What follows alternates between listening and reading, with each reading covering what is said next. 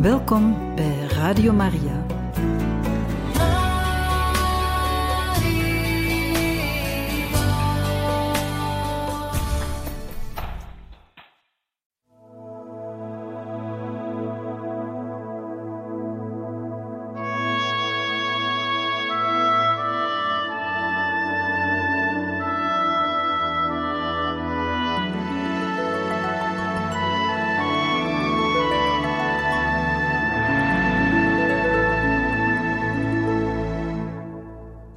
Beste luisteraars van Radio Maria, goede vrienden, welkom opnieuw in het programma Heiligen Getuigen. Wij zullen voor u verder voorlezen uit het boek met de titel Morgen zal het te laat zijn over het leven van de heilige Pierre-Julien Aymar, apostel van de Eucharistie. En nadat Pater Aymar zijn nieuwe congregatie had gesticht ter ere van het Heilige Sacrament en ook de goedkeuring had gekregen van Paus Pius IX van zijn constituties, zijn we nu gekomen in het derde deel van het boek. En dit derde deel begint met een uitspraak of een quote van de heilige Pierre-Julien Aymar, en dit gaat als volgt: De metselaar die sterft nadat hij het fundament van een kolossaal bouwwerk heeft gelegd, is meer een stichter dan degene die het voltooit.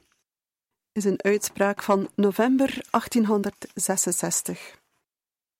En nu komen we aan hoofdstuk 8, een verterende reis, met een opschrift Laat de regen vallen. Eerste algemene vergadering.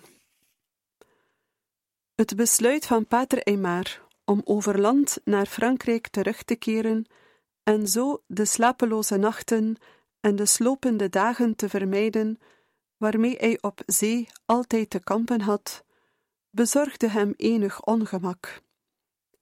De terugreis per koets was buitengewoon hobbelig en stoffig. Na een kort bezoek aan zijn zus in Lamur kwam Pater Aymar uitgeput aan in Lyon en zocht zijn toevlucht in het huis van een van zijn dierbare vrienden, mevrouw Jordan en haar gezin. Medio april 1865 was hij terug in Parijs, na meer dan vijf maanden afwezig te zijn geweest van zijn gemeenschap. Op de 22e van die maand schreef hij: Ik ben weer ondergedompeld in de wereld van bezoeken en zaken. Moge God geprezen worden. Ik ben echter een beetje ontstemd, want meteen na mijn aankomst kreeg ik griep, zodat ik gedwongen was thuis te blijven en mij voor te slepen. De eerste dringende zaak was het bijeenroepen van een algemene vergadering van alle leden van de congregatie die een gelofte hadden afgelegd, om de laatste hand te leggen aan de tekst van de constituties en over te gaan tot de verkiezing van een generaal-overste. Aymar schreef aan alle leden om hen te attenderen op de vergadering die in de Parijse communiteit zou worden gehouden, en om hen te informeren over de agenda. Zijn correspondentie in deze periode geeft een inzicht in zijn gemoedsgesteldheid bij het naderen van deze historische bijeenkomst. Aan mevrouw Dandinier schreef hij: De algemene vergadering voor de verkiezing van de overste. Ik hoop dan bevrijd te worden van deze zware last en mezelf terug te vinden als een eenvoudige religieus met alleen mezelf om me zorgen over te maken. Ik heb het acht jaar lang moeilijk gehad. Alleen al een plaats aan de voeten van onze lieve Heer zou deze arme ziel, die zoveel zorgen heeft, verfrissen. In een brief aan Pater Chanuet deelde hij soortgelijke gevoelens. In de vier jaren die voorafgingen aan de stichting van de congregatie heb ik alle mogelijke beproevingen doorstaan.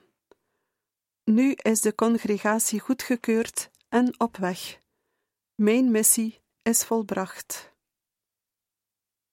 aan zijn oude medewerker, Pater de Cuers, met wie hij vanaf de eerste dagen van de stichting van de congregatie had gereisd, en wiens vriendschap soms net zo turbulent was geweest als de zeereizen die hij liever had vermeden, schreef hij: Gun mij de troost dat ik slechts een eenvoudige religieus blijf in enige eenzaamheid. Iemand anders kan nu de congregatie leiden. De een zaait, de ander oogst. Ik vraag u als een grote gunst en uit vriendschap mij niet in aanmerking te laten komen voor de functie. Ik zal gehoorzamen aan degene die gekozen wordt als vertegenwoordiger van Jezus Christus.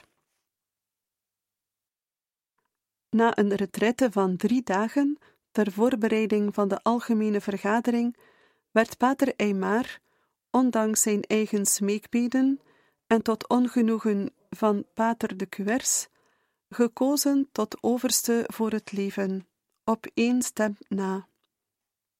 Eymar was er zo zeker van geweest dat hij niet zou worden gekozen, dat hij zich bij de bekendmaking van de uitslag excuseerde voor zijn emoties. Zo overweldigd was hij door het grote vertrouwen en geloof in zijn leiderschap. Hij trok zich terug in zijn vertrekken, terwijl de anderen naar de kapel gingen om een Te Deum te zingen uit dankbaarheid aan God. Zich neerleggend bij wat hij duidelijk zag als de wil van God en de wens van zijn confraters, nam hij moedig de zorg voor de congregatie op zich, die hij tegenover Marguerite Guillot omschreef als verpletterend. Behalve om de congregatie was hij ook bezorgd om zijn zus Marianne, die ernstig ziek was geworden. Hij schreef haar op 16 juli 1865. Het nieuws van je ziekte bedroefde me. Ik kon niet naar Lamur gaan, omdat ik in een generaal kapitel zat.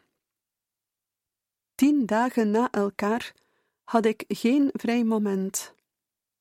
Ik heb veel tot onze lieve Heer gebeden, lieve zus, om je te troosten en je te genezen. Ik heb alleen jou nog op deze aarde. Ik besef dat de hemel te verkiezen is boven dit armzalige bestaan.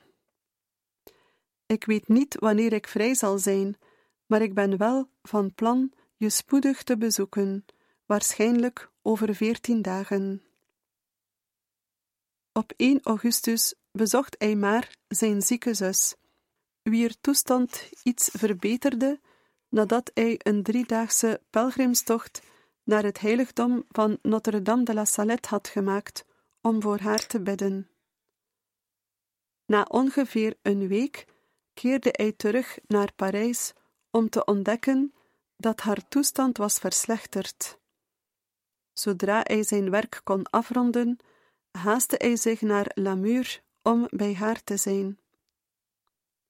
In een brief aan Marguerite Guillot, gedateerd 8 september 1865, schreef hij: Vanmorgen heb ik in haar kamer de mis opgedragen en haar de communie gegeven. Zij was verrukt en ik ook. Vanmiddag heeft ze erg geleden.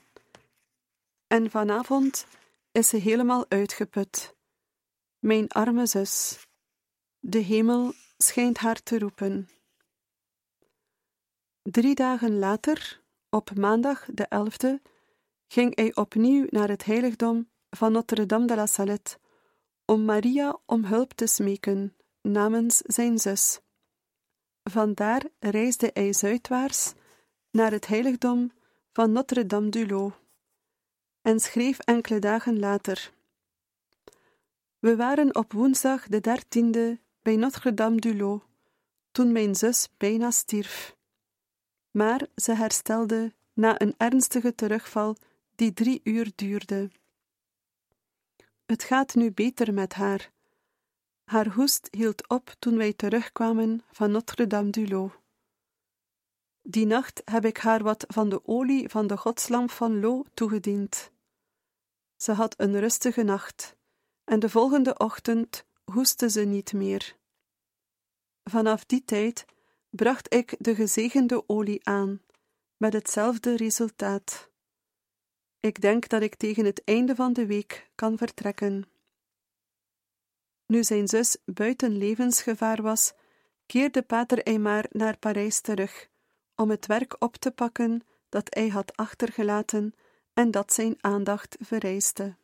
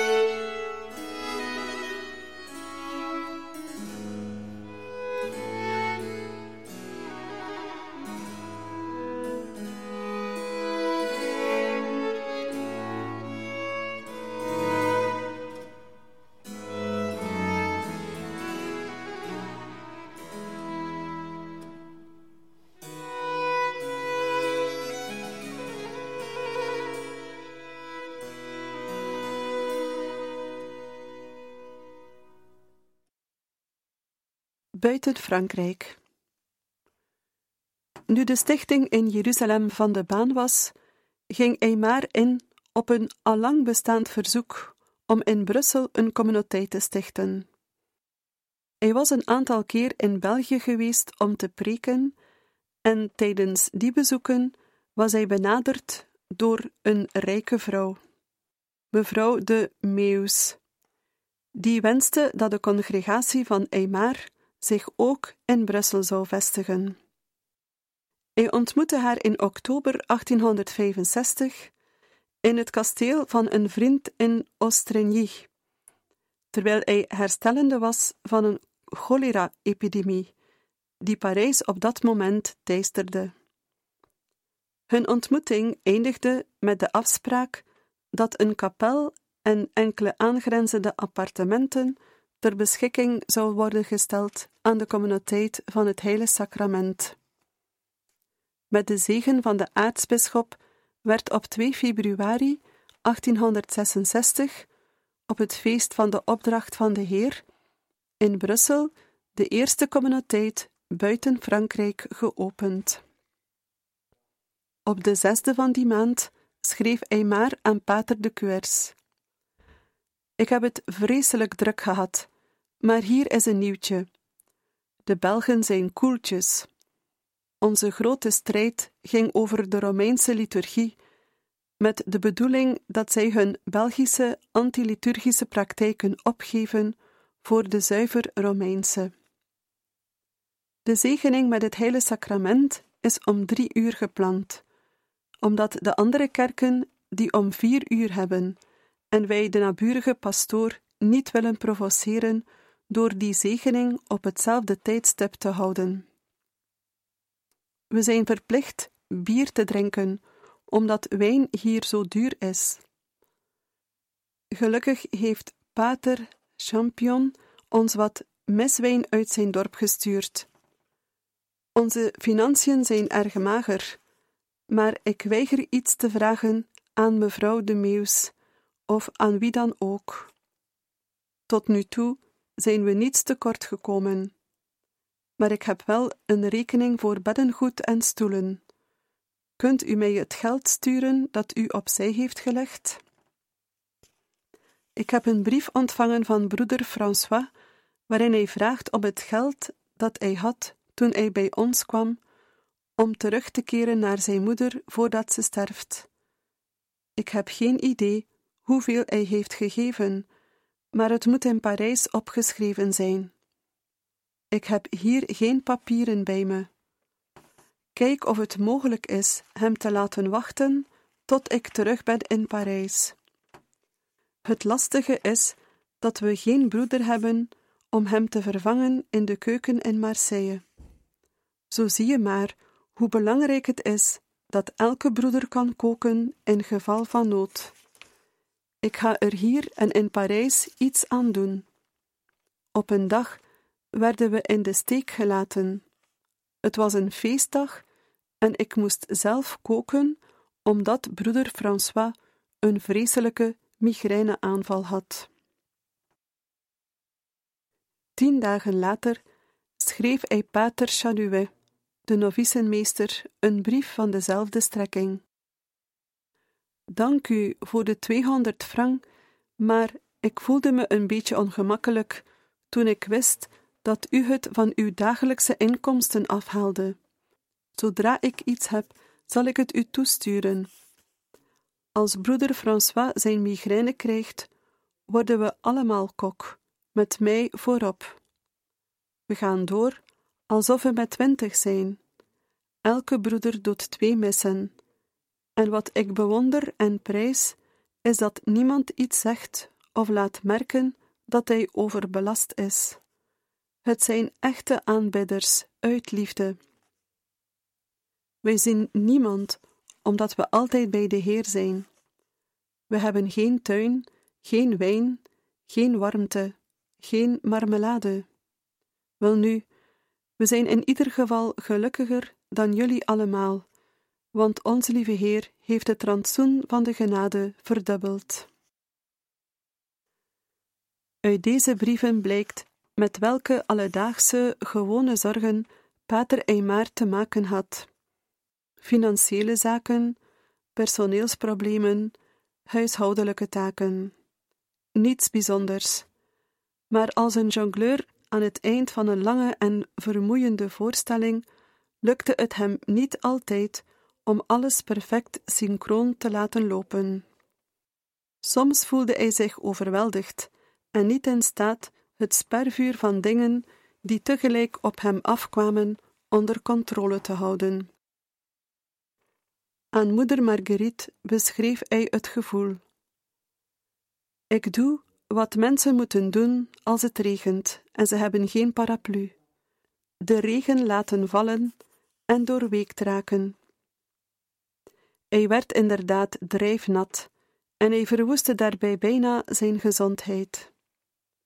Hoe graag hij ook de ontberingen van het oprichten van deze nieuwe stichting wilde doorstaan, zijn lichaam kon de belasting niet aan.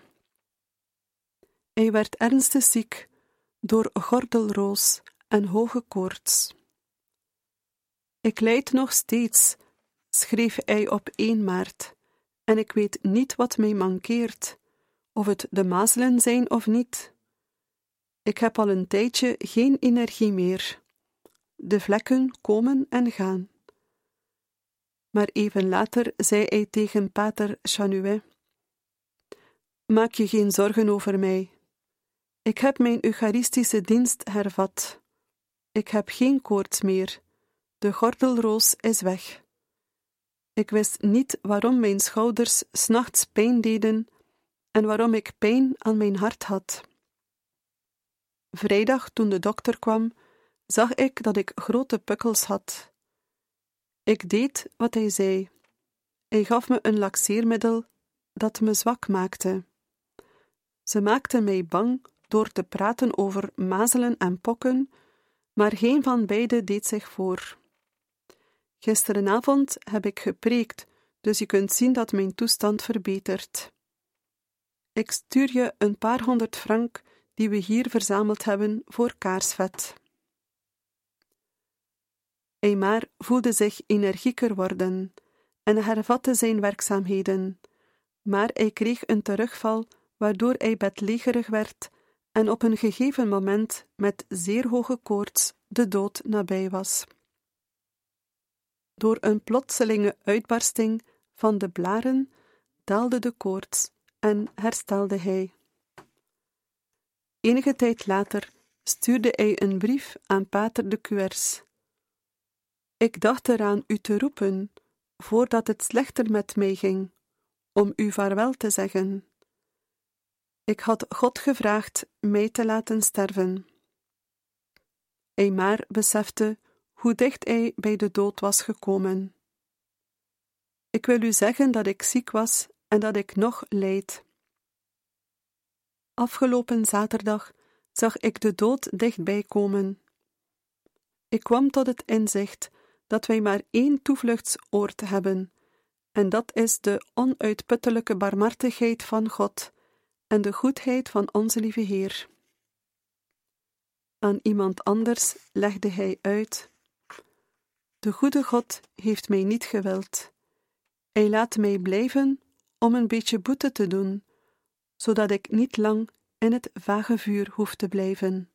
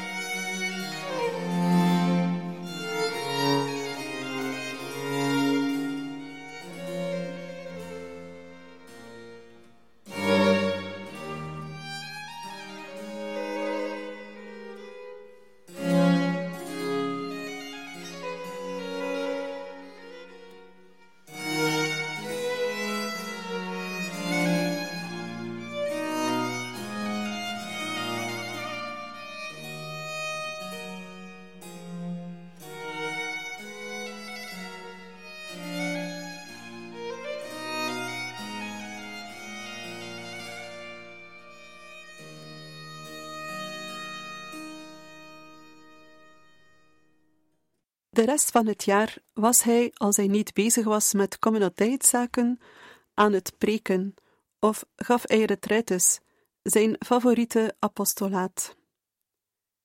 Eind april preekte hij in Gent voor een groep die Vrouwen van Aanbidding heette.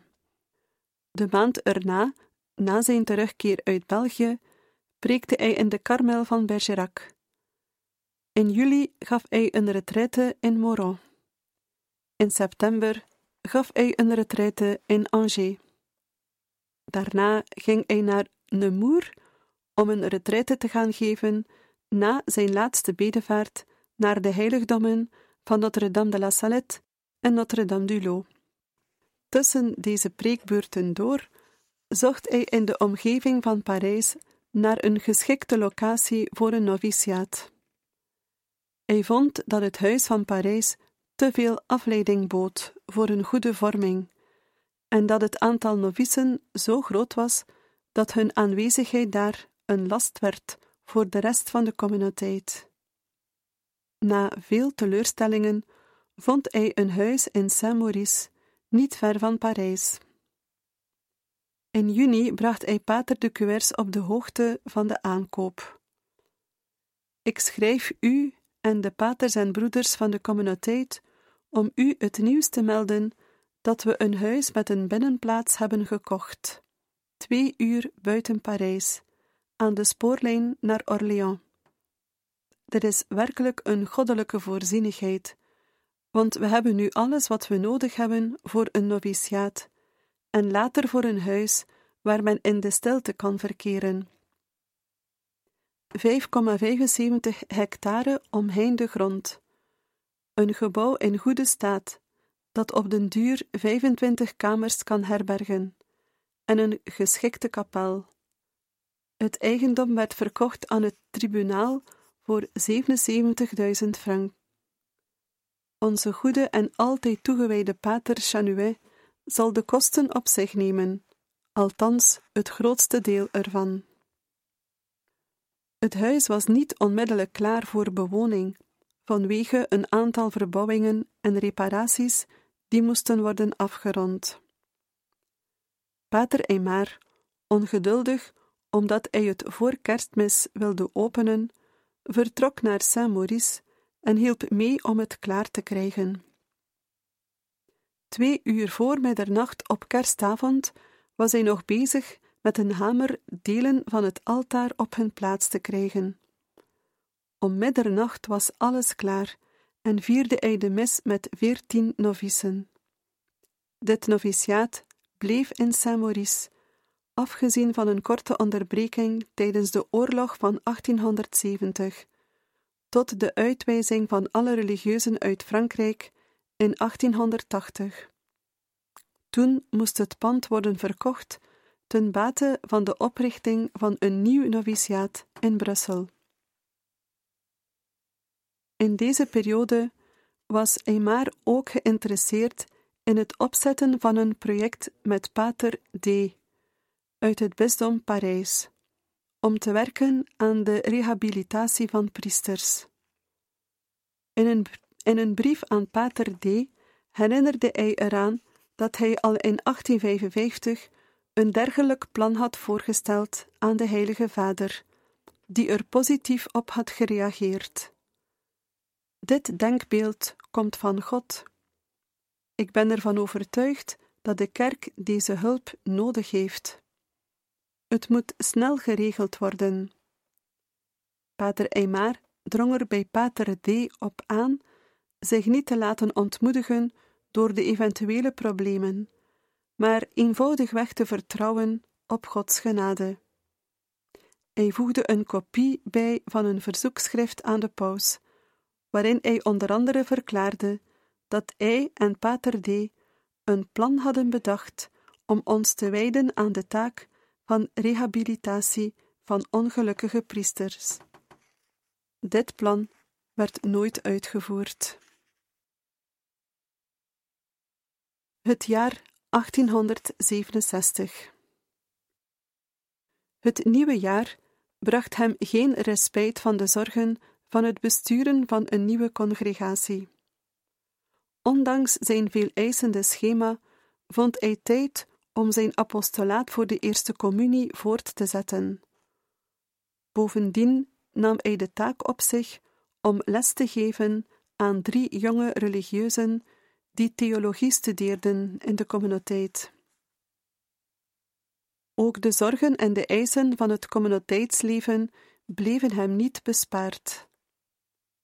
Begin januari schreef hij aan Pater de Cuers dat er zieken waren en dat de arme broeder E zijn drankprobleem niet had kunnen oplossen en de communiteit had moeten verlaten. Een paar dagen later schreef hij opnieuw aan de QR's. Ik heb u de gevraagde extra priester niet kunnen sturen, want ik heb er geen. Pater Champion heeft hetzelfde verzoek gedaan, en ik heb hem hetzelfde gezegd. Over anderhalve maand zal broeder C gewijd worden. Heb nog even geduld. Hij vervolgde: Wat je positie als overste betreft, ik zou willen dat je doorging. Maar als deze verantwoordelijkheid je lijden vergroot en je gemoedsrust verstoort, zou ik niet willen aandringen. In dat geval zou ik je aflossen. Bid voor mij, want ik heb nauwelijks tijd om adem te halen. In het vroege voorjaar was hij weer op zoek naar een nieuw huis in Parijs. De communiteit had te horen gekregen dat ze het pand aan de Rue du Faubourg Saint-Jacques moest ontruimen om plaats te maken voor verbreding van de straat. Op de boulevard Montparnasse 112 werd een gebouw gevonden, een verlaten pension. Omdat hij maar geen geld had om het te kopen, huurde hij het tot het geld van de verkoop van het pand Saint-Jacques beschikbaar kwam. De renovatie van het nieuwe gebouw was nauwelijks begonnen toen de slopers in Saint-Jacques arriveerden. De communiteit verhuisde in haast. Een paar avonden later zei pater Aymar tegen broeder Albert: We zijn onze arme kat vergeten. Hij zal zeker verhongeren. Pak een mand, we gaan hem halen. Ze vonden hem tussen het puin. Rond deze tijd, na uitvoerig onderhandelen en drie maanden uitstel, gaf de bisschop van Angers toestemming aan Aymar om een nieuwe kerk te bouwen in zijn bisdom. De bisschop had de congregatie eerder de mogelijkheid ontzegd om gebruik te maken van een gerenoveerd theater en had haar gedwongen dat pand tegen hoge kosten af te breken. De vreugde over het vooruitzicht van de opening van een nieuwe kerk in Angers was van korte duur, omdat de gemeenschap het kapitaal voor de bouw niet bijeen kon krijgen. Pater Eymar had gehoopt de kosten te kunnen dekken met geld dat hij had geïnvesteerd in de uitgeverij van het Parijse aartsbisdom, maar ontdekte dat de uitgeverij failliet was. Hij schreef aan de overste van de communiteit van Angers: Een ramp heeft ons getroffen, het faillissement van Leclerc. We hadden daar 67.000 frank uitstaan, en ik rekende op dit geld voor u. Wat een beproeving!